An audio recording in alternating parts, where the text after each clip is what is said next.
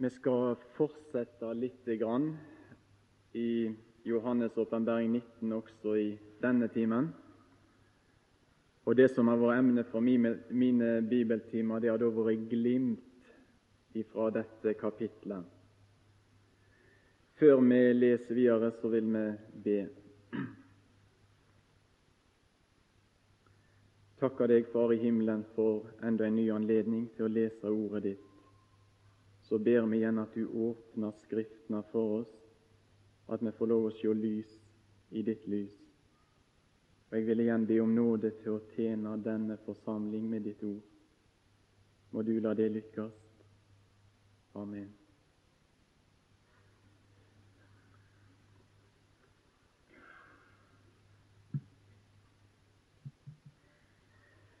Vi skal da lese videre fra vers 7 i Åpenbaringa 19.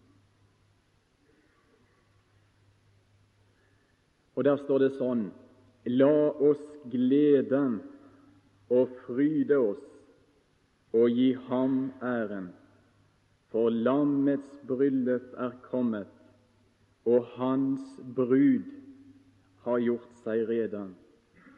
Og det er henne gitt å kle seg i rent og skinnende fint lin, for det fine lin er de helliges rettferdige gjerninger. Og han sier til meg, skriv, salige er de som er innbudt til lammets bryllupsnattverd. Og han sier til meg, dette er Guds sanne ord. Og jeg falt ned for hans føtter for å tilbede ham. Og han sier til meg, var deg for det, jeg er din og dine brødres medtjener, de som har Jesu vitnesbyrd. Gud skal du tilbede, for Jesu vitnesbyrd er profetordets ånd. Amen.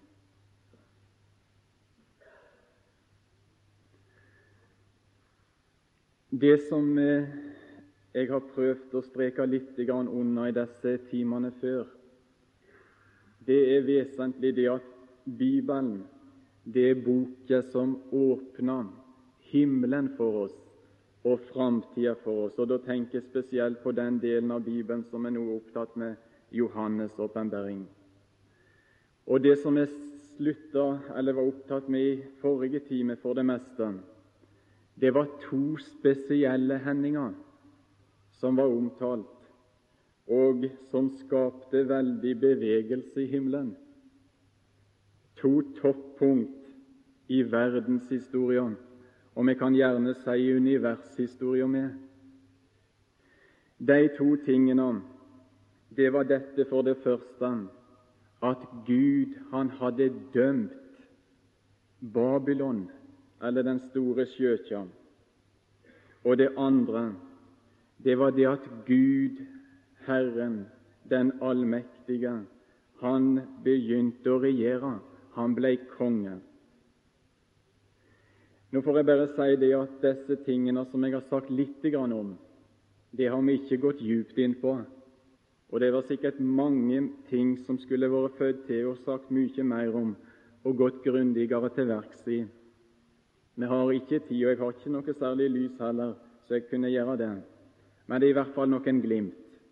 Og så er det vel kanskje slik at en kan ta og arbeide videre med disse tingene hver for oss. Det vi skal se litt videre på nå i dag, det er ei tredje hending som igjen setter himmelen i bevegelse, og som gjør det at Johannes igjen synes å bli overvelda. Og vi leste det i vers 10, var det vel her, at han feller ned for en engel og så vil han tilbe. Jeg tror altså disse tingene han her ser, det gir et mektig inntrykk på han, som resulterer i det altså at han føler en trang til å tilbe. Men så var det jo slik, som det òg blir sagt her, at det skulle ikke han gjøre. Han skal ikke tilbe engler. Og så blir han korrigert, og så får han høre at det er det én ting du skal tilby, og det er Gud. Hva var det som gjorde slikt inntrykk på Johannes nå. Og det leste vi vers 7. Og det er det vi skal prøve å si litt om i denne timen, nemlig det at lammets bryllup er kommet. Og så står det 'La oss glede og fryde oss og gi Han æra'. Før vi ser litt mer på dette som har med lammets bryllup å gjøre, så skal vi bare ta en liten tur tilbake igjen til kapittel 18. Og så skal vi se noen veldige kontraster nå. For det som Johannes ser her, det er i himmelen, men det som er beskrevet i kapittel 17 og 18, det er på jord. Og så ser vi igjen i kapittel 18 der er Guds dom utført. Der er ødelegging, der er liding, der er pine, der er sorg, der er gråt, der roper de ved, ved. Skal vi bare ta med det i det 18. kapittel, noen få vers. Vers 10.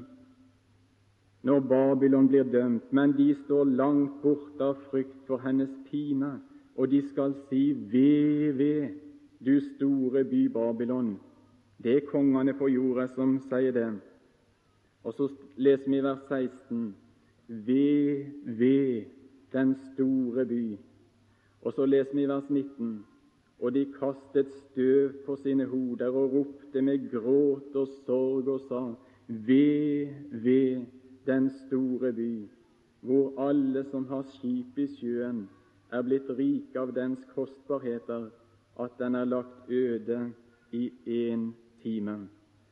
Og så ser vi altså det at på jord der er alt liksom et kaos. I himmelen er det bryllup. I himmelen runger hallelujarop. På jord blir Babylon, eller Skjøtje om du vil, avkledd sin herlighet. I himmelen ser vi bruden som er ikledd sin himmelske herlighet. På jord er det meste et mareritt. I himmelen erfarer de fullt ut hva det vil si å være salig. Vel, la oss gå tilbake igjen til kapittel 19, lammets bryllup.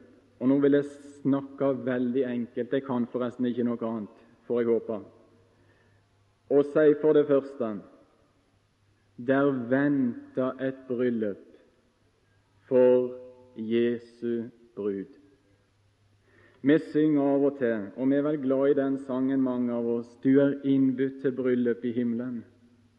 Det er du som skal være hans brud. Er det sant? Ja, hvor skal vi finne svar på det? Det er bare én plass å gå, og det er igjen til Ordet, til Skriften. Der er det sikre og sanne opplysninger om alle ting, også om det vi nå skal ta litt for oss. Og Ordet taler veldig klart, og Ordet taler mange ganger på mange plasser om det, at det er et framtidig bryllup for Guds folk. Og alltid så er denne sak forbundet med glede, med fryd, og Jeg synes det er altså så velsigna godt å tenke på disse tingene som Gud har åpenbart for folket sitt når det gjelder framtida. For da ser jeg egentlig lys etter lys etter lys etter lys. Og jeg sier igjen, jeg har nevnt det før, det er en veldig kontrast til den ugudelige, som ingen framtid har. Og når han ser framover, så må det jo bare være mørke etter mørke etter mørke, og så har han ingenting å glede seg til. Han har ingenting å leve for, han har ingenting å vandre imot. Men når det gjelder Guds folk, så ligger alltid det beste framfor.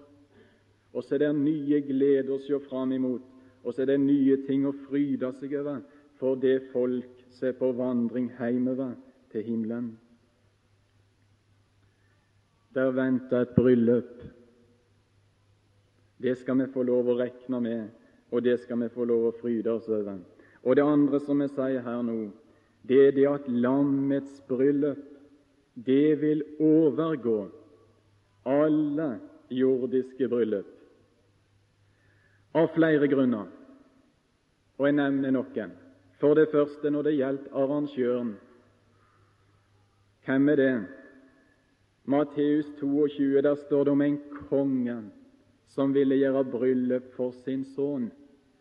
Og det er jeg overbevist om at det skal han gjøre på en måte som skal imponere alle som er i det bryllupet. Videre så vil det overgå alt vi til vanlig tenker med bryllup på grunn av deltakerne som er der, på grunn av gjestene, på grunn av brudgommen, på grunn av bruret, på grunn av plassen der dette bryllupet er, av omgivelsene der bryllupet er i, og aldri har det i universet vært noe tilsvarende det bryllup som vi nå har lest om i Johannes' åpenbaring 19. Det er jeg overbevist om.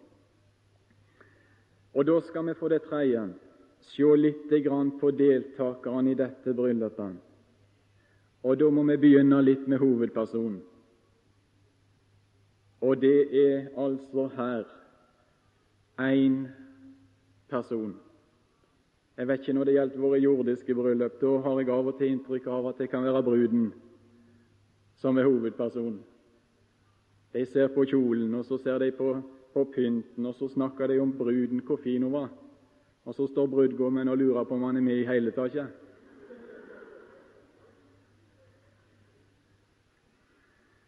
Jeg har jo prøvd litt av det der, jeg òg. Men når det gjelder lammets bryllup, så er hovedpersonen klar.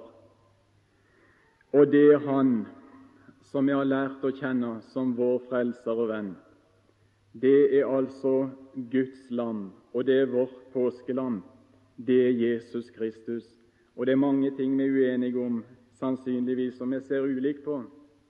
Men dette det er en ting som de fleste må være enige om, at brudgommen, det er Jesus Kristus.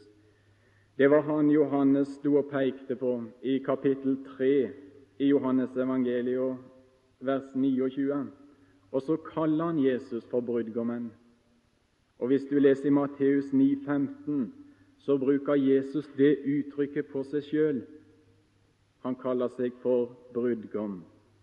Herom er det ikke tvil. Når det gjelder brura, så er det mange delte meninger, så langt som jeg har registrert i hvert fall. Og her er visstnok de lærde veldig uenige. De sier noen da at det er alle truende. Noen sier det er noen få utvalgte av Guds folk. Og det er også nevnt de 144 000 i den forbindelse. For det tredje sier noen at det er Israel. Og for det fjerde sier noen at det er de truende fra den nye pakts tid. Jeg skal ikke gå inn på disse tingene, men slik som jeg oppfatter det, så er altså Jesu brud det er Guds menighet. Og Så kan det kanskje være uenige også her og ha forskjellig syn, men det er i hvert fall det som jeg tror. Og denne flokken, altså Guds menighet, han vil helt sikkert få en helt spesiell stilling i evigheten i forhold til Jesus, i forhold til brudgommen. Det ligger for så vidt i disse uttrykkene brud og brudgom. Det taler om nærhet, det taler om ære, og det taler om en helt spesiell forening. Bruden skal være Hans nådes herlighet til pris i all evighet. Bruden, altså Guds menighet. Men det trenger vel ikke bety at andre truende ikke blir med på bryllupsfesten. For jeg tror nemlig også det at det er andre truende som blir med i dette bryllupet. Eller skal jeg heller si bryllupsfesten? Det sto et uttrykk i det niende verset og der står nemlig om de innbudne. Og Nå kan vi sikkert se ulikt på det òg. Men jeg tenker, når jeg tenker på det uttrykket, så lurer jeg på om jeg ikke deri kan finne en del personer som f.eks. blir frelst etter bortrykkelsen. Og kanskje jeg i det uttrykket også kan finne de fem kloke brurmøyene som vi leser om i Matteus 25. For slik som jeg ser den sak, så må jo det være et, i tid en lignelse som taler om forhold på jord etter at menigheten er rykka bort. I våre bryllup og i mitt bryllup så var det ei som ikke var innbudt, og det var brura. Hun var selvsagt. Og Derfor så tenker jeg også litt i disse baner at de innbudne, det kan være gjestene, det, utenom Guds menighet. Jeg kan ikke si at jeg kan gå så mer inn på disse tingene heller, for jeg har ikke så veldig lys over det. Men det er i hvert fall slik jeg tenker. Og én ting vet jeg i hvert fall, at alle som blir med i bryllupsfesten, de blir salige. Det leste vi nemlig i det niende verset.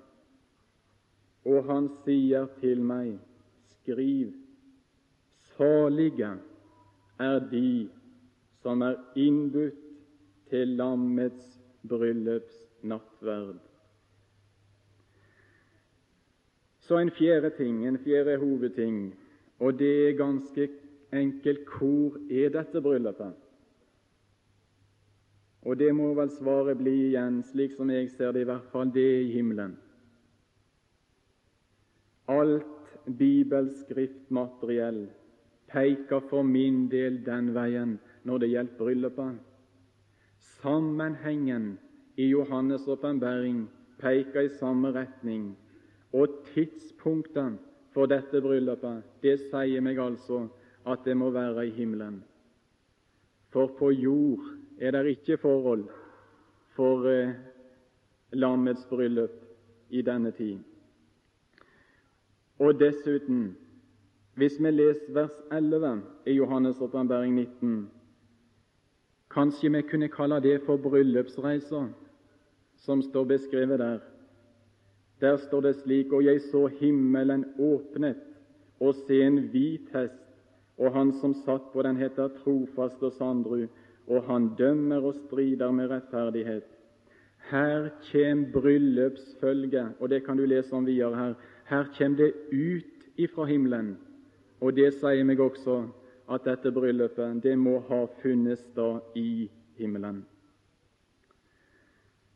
Hva tid vil bryllupet stå? Det er det femte. Og noen svar tror jeg Bibelen antyder også der. For det første det vil skje etter bortrykkelsen av Guds folk. Nå har Røykenes vært inne på det i forrige time, så det skal ikke vi si noe mer om, annet enn jeg har lyst til å understreke også det som er mitt syn her, at det første som vil skje på Guds kalender og i Guds program, det at Han henta hjem folket sitt, at Han henta bruden hjem etter bortrykkelsen. Og dessuten så tror jeg også at bryllupet vil skje etter en begivenhet som Paulus omtaler f.eks. i 2. Korinterbrev 5.10, der han taler om Kristi domstol. Kanskje er det ulikt syn på det igjen, men det er i hvert fall mitt syn at dette som har med bryllupet å gjøre, det kommer i tid etter Kristi domstol. Og for det tredje så tror jeg å se at bryllupet, lammets bryllup, det vil i hvert fall begynne før enn Jesus kommer tilbake igjen til jord.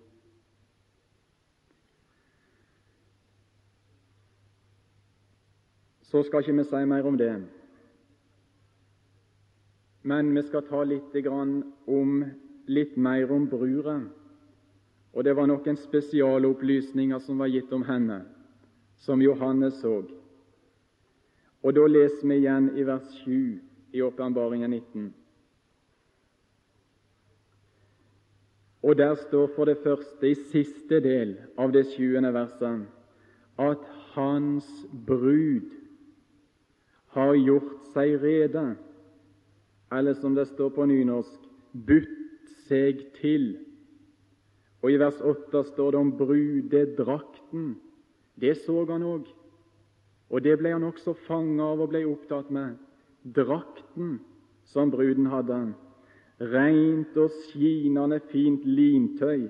Og så står det det er de hellige sine rettferdige gjerninger. Og vet du hva jeg har lyst til å si nå? Jeg har lyst til å forkynne at djevelen han er en stor kjeltring. Vet du hva han sier til den ufrelste? Han preiker, så sier han 'gjør det', og 'gjør det', og 'gjør det', og så er det håp for deg. Hvis du kan bli sånn og sånn, og hvis du kan gjøre det og det og det og det, så skal Gud ta imot deg, og så skal du bli frelst. Til den frelste vet du kan forkynne der ofte. Jau, da snur han plata, så sier han 'gjør ingenting'. Gjerninga har ingen betydning. Slapp av. Jeg holder på å si 'sov i ro'. Og det er visst mange som hører på den tonen og den forkynnelsen. Bibelen avslører slik tale som løgn.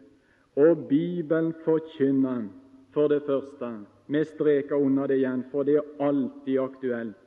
Mennesket kan ingenting gjøre for å bli frelst. Våre gjerninger har null verdi. Det heter i Guds ord at frelsa, den er av nåde, og det betyr gratis for ingenting. Men Bibelen forkynner en ting til. Når et menneske er frelst, da kan det, og da bør det, være rik i gode gjerninger. Jeg har lyst til å lese litt nå, og følg med og slå opp i Titus 2. Eller vi skal begynne i det sjuende verset i Titus 2. Nå kunne vi gått mange andre plasser i, i Guds ord, men nå kan vi holde oss i brevet til Titus. Og la meg bare si også her Bibelen den taler langt mer om hvordan vi skal leve som kristne, enn hvordan vi blir kristne. Begge deler er jo veldig, veldig viktig. Men hvis du leser i brevene og leser hele Bibelen for så vidt, så er det en lærebok i å leve som et Guds barn også. Og Nå leser vi for det første vers 7 i Titus 2. I det du i alle måter ter deg selv som et forbilde i gode gjerninger og i din lære viser renhet og verdighet. Vers 14.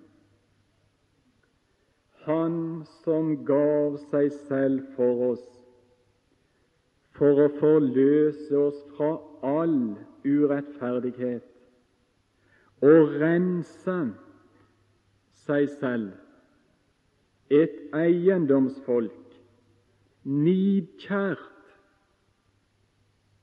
til gode gjerninger. Kapittel 3 og vers 8.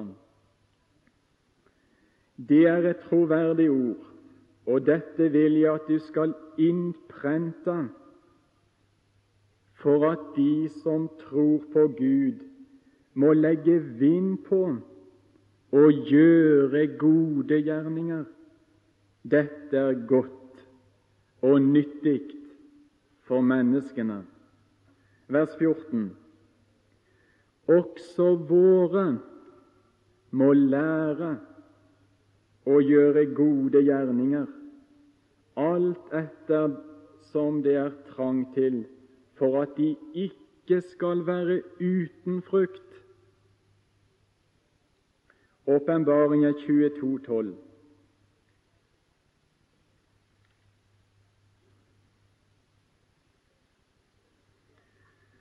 Se, jeg kommer snart, og min lønn er med meg til å gi enhver igjen ettersom hans gjerning er. Og Hvis vi nå går tilbake til åpenbaringen 19, så har vi altså lest om ei drakt som bruden har. Og hva drakt er det? Det er ei drakt som er utvirka av det hun gjorde. Det har med gjerning, det har med liv, det har med vandring, det har med ferd i denne verden å gjøre. Det var ikke den hun kom inn i himmelen på, for inn i himmelen kommer du i annen drakt. Og det er altså Jesu Kristi rettferdighetsdrakt. Det er den du får ved trua på Han når du tar imot Han. Og himmelporten er åpen for alle som er ikledd den drakten, frelsesdrakten ifra Golgata. Men det som Johannes ser i kapittel 19, sånn som jeg oppfatter det i hvert fall, det er altså ei annen drakt som har med livet, som har med tjenester, som har med gjerningene våre i denne verden å gjøre. Og det skal være med å pryde bruden i all evighet. For min del synes jeg disse tingene er med å vekke til tjenester for oppgaver og for muligheter i denne verden mens vi lever her. Dette med å samle seg skatter i himmelen, det foregår her.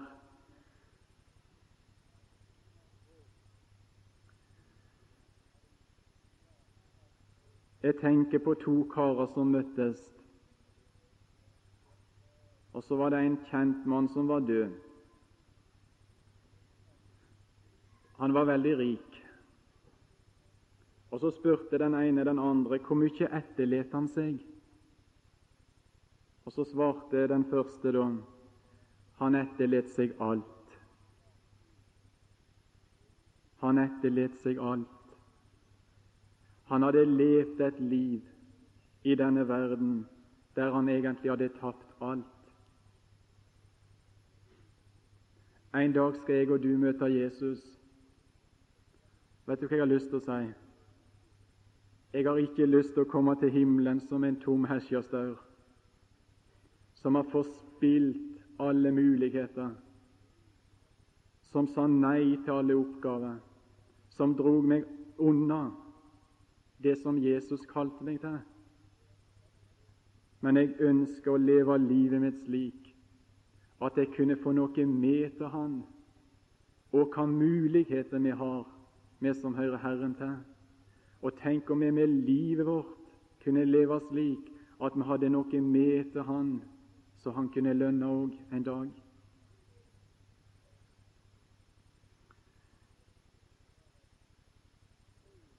Frelst for å vandre i gode gjerninger. Det er ikke så mye vi taler om disse tingene i dag. Derfor så tenderer jeg dem lite grann og Personlig tror jeg også, uten at vi skal gå i detaljer, at det blir forskjell den dagen når Herren skal lønne etter som enhver har gjort eller levd eller tjent.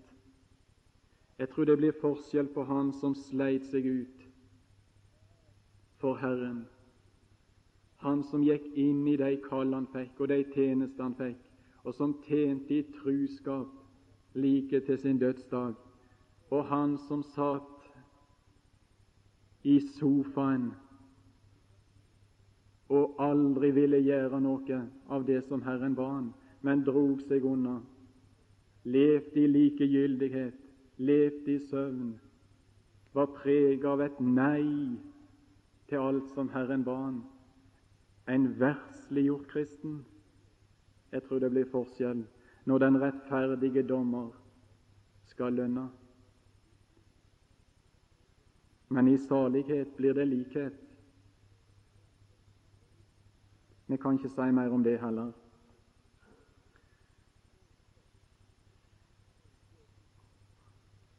Litt til slutt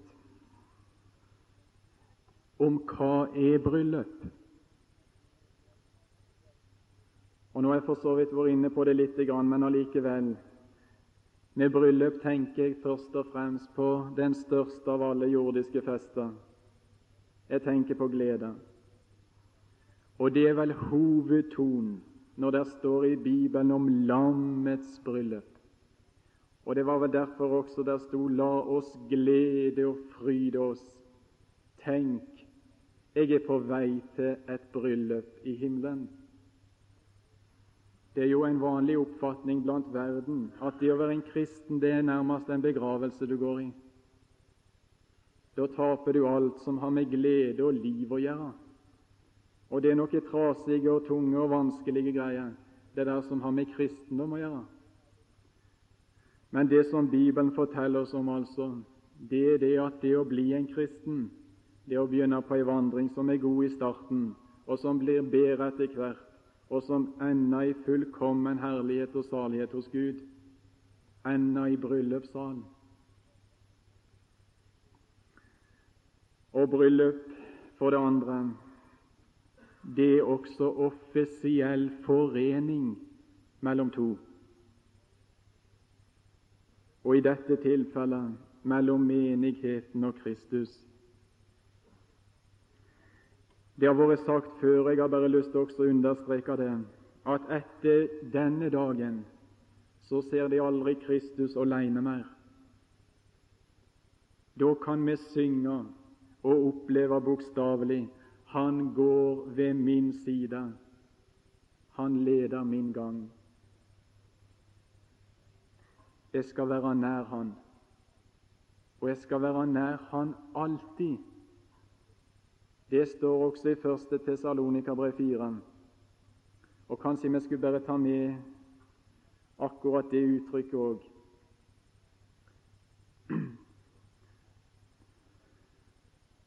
Vi kan ta ifra vers 17. Deretter skal vi som lever, som blir tilbake, sammen med dem rykkes i skyer opp i luften for å møte Herren og så skal vi alltid være med Herren. Det var ei tid i mitt liv da jeg var yngre, at jeg lurte på følgende Når du er kommet til himmelen, er det da fare for at du kan gjøre ei synd eller at du kan oppleve det som en del engler opplevde som var i himmelen, at de ble støtt ned. Er du sikker når du er kommet innafor den himmelske verden? Det er mange svar vi kan gi på det. Jeg bare nevner det at du skal for det første ikke bli nok engel, og det kan du være glad for. Det er en del som har så lyst til å bli engler, sier de. Jeg har ikke lyst til å bli engel. Det er noe som er langt større og bedre enn det. Så for det andre så står det svart på hvitt Det går ikke an å si klarere at så skal vi alltid være med Herren og trøst da hverandre med disse ord. Det var ikke spøk for disse i Tessalonika. Det var så mange problem, det var så mange vanskeligheter. Og så løfta Paulus blikket deres. De må se over denne verden. De må se over trengslene, de må se over motgangene. De må se over alle disse skyene som er så fryktelig mørke. De må se igjennom tunnelene, og så må de se like fram. Og så ser det han kommer snart, det er det ene. Og så ser du, og så skal de vite det, at deretter så skal det alltid være med Han. Og det visste de i Tessalonika, og det forsto de, at da gjorde det ingenting med litt motgang og litt lidelse og litt trengsel. Ja, og til og med store trengsler tålte de. Men det var noe som bar dem opp, og det var det vi skal snart være med Han. Og det visste de, for såpass kjente de Jesus det skal bli en velsigna god tilværelse å være sammen med Han. Så skal vi alltid være med Herren. Og er det rart at de jubler i himmelen, og er det rart at de roper halleluja i himmelen, og at de faller ned og tilber Han når de har disse tingene for sine øyne? Og Jeg har, lyst til å si til slutt at vi må gjerne blande våre røster med dem og prise Herren for det som Han har gjort i stand til sitt folk. Vi har ennå ikke opplevd disse tingene, men det er det sikreste av alt sikkert at det vil skje. Det vil komme, og det vil komme plutselig òg. Jesus sa det en gang, at Skriften kan ikke gjøres ugyldig. Det er mange ting som altså ikke helt i denne verden, men det er én ting som helt gjennom alt, og det er det Gud har sagt. Mennesker kan protestere, og de kan le, og de kan bortforklare, men de kan aldri rokke en tøddel på det som Gud har sagt. Og Nå har vi altså nevnt tre ting som helt sikkert skal skje, og det at Gud skal dømme Babylon, den store sjøkja, og det at Herren Gud den allmektige skal bli konge, og det at lammets bryllup skal komme. Og Når jeg leser om disse tingene, så er det omtrent slik for min del av og til at jeg må nesten knipe meg i armen og spørre kan dette være sant. Er det eventyr? Vel, la oss lese vers 19, kapittel 19 og vers 9 til slutt. Og han sier til meg, skriv, salige er de som er innbudt til lammets bryllupsnattverd. Og han sier til meg, dette er Guds sanne ord. Dette er Guds sanne ord. Og så slutter jeg med det i denne timen. Jeg håper du er med i den flokken som har tenkt deg til himmelen, til bryllupssalen til møte med brudgommen, at du i den flokken som i evigheters evighet skal erfare det. Det er salig å høre Herren til. Det er salig å være Hans brud. Det er salig å være innbudt i det selskapet som Herren skal forsørge i all evighet. Det er da noe å være barn av Gud den evige Fader. Det er sant. Vi takker deg, Far i himmelen, for det som har fått lov å sagt litt om også i denne timen. Takk for det som venter ditt folk, og takk fordi at vi skulle få erfare ditt kom og ditt kall, og stige inn i disse tingene og stige inn i den framtid som du har beredt oss. Og så ber vi deg at du hjelper oss på veien hjem at vi kunne være lys for deg og gode vitner for deg, at vi kunne være med og vekke interesse også i andre for å nå det målet som du har talt om i ordet ditt.